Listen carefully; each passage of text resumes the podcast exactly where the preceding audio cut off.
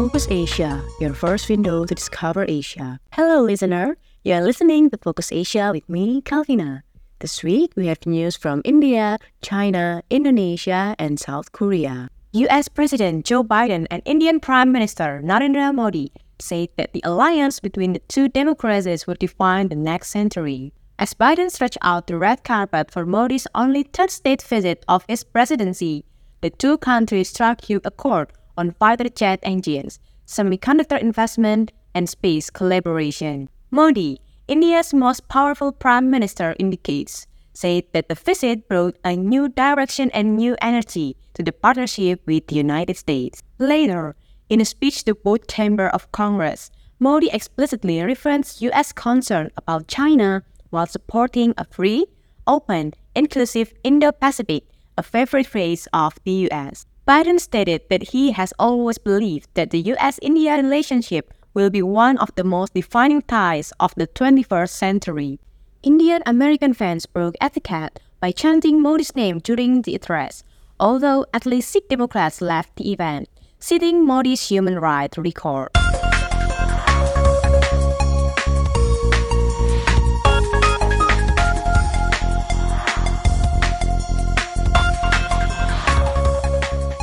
Next, we have news from China.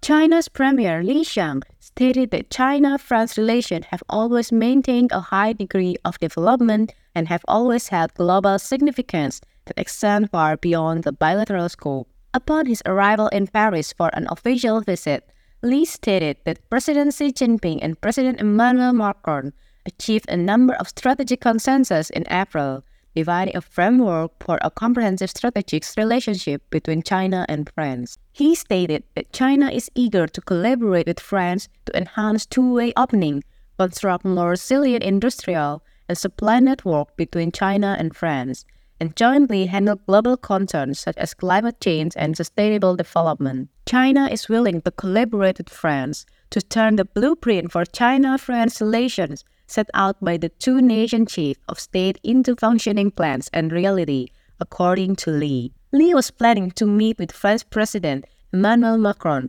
French Prime Minister Elizabeth Borne, French Senate President Gerard Larcher, attend a dinner with the Chinese and French business group, and visit French enterprises during his visit to France. The Chinese leader paid a visit to Schneider Electric's innovation based in Paris on Wednesday afternoon, he listened to Jean-Pascal Ricard, the firm's chairman and CEO, speak about the French corporation and its collaboration with China. Jean-Pascal Ricard stated that his company has witnessed, contributed to, and benefits from China's reform and opening up. They are optimistic about China's development and will continue to invest in China as well as actively participate in China's green infrastructure and Belt and Road development.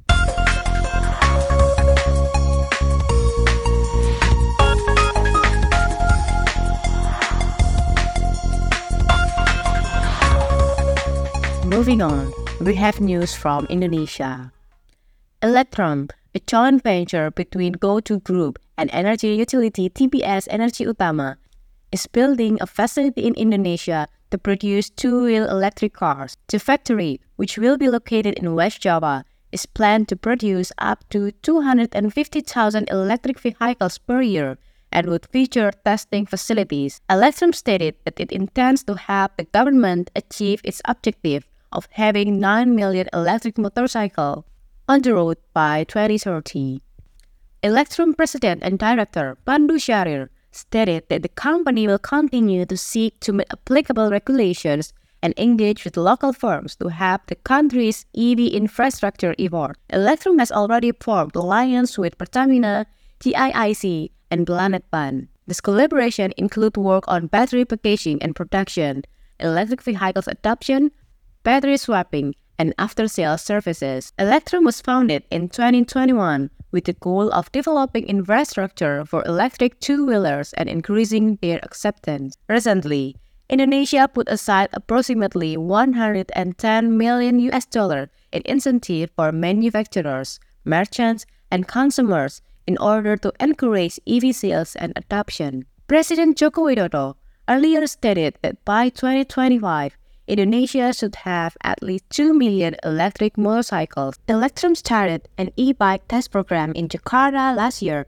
through the GoRide electric service involving 500 EVs operated by Gojek's driver partner. As part of the effort to construct Indonesia's EV infrastructures, Electrum also signed a partnership with Gogoro, a Taiwanese battery station manufacturer, in January 2022.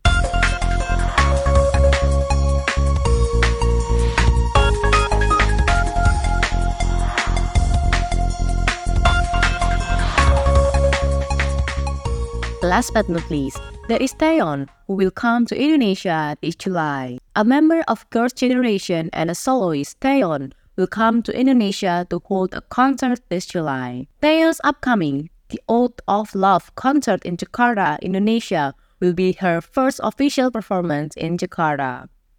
According to social media posts by both SM Entertainment and organizer TNM Entertainment, the show will take place on July 22 at 2.30 p.m. at the Indonesia Convention Exhibition BSD. Taeyeon's next Jakarta concert is yet to be confirmed in terms of ticketing and other details. Taeyeon firstly announced the ODD of Love concert in Jakarta, follows the singer performance in Hong Kong. The show was her very first outside South Korea. Following a two days The ODD of Love concert at the KSPO Dome in Seoul on June 3 and 4. Taeyeon will perform her The ODD of Love performance in Taipei and Manila later this year, in addition to Jakarta and Hong Kong. The artist will perform at Taiwan's Taipei Arena on June 24 and the Philippines Smart Araneta Coliseum on July 24. Taeyeon will also be releasing new music later this year. SM Entertainment recently presented a financial report for the first quarter of 2023 in which it revealed intention for its third quarter release slate. The news from Taeyeon closes this week's episode. Don't forget to always listen to Focus Asia every week to update your knowledge about what happens in Asia. I'm Calvina. See you on the next episode of Focus Asia, your first window to discover Asia.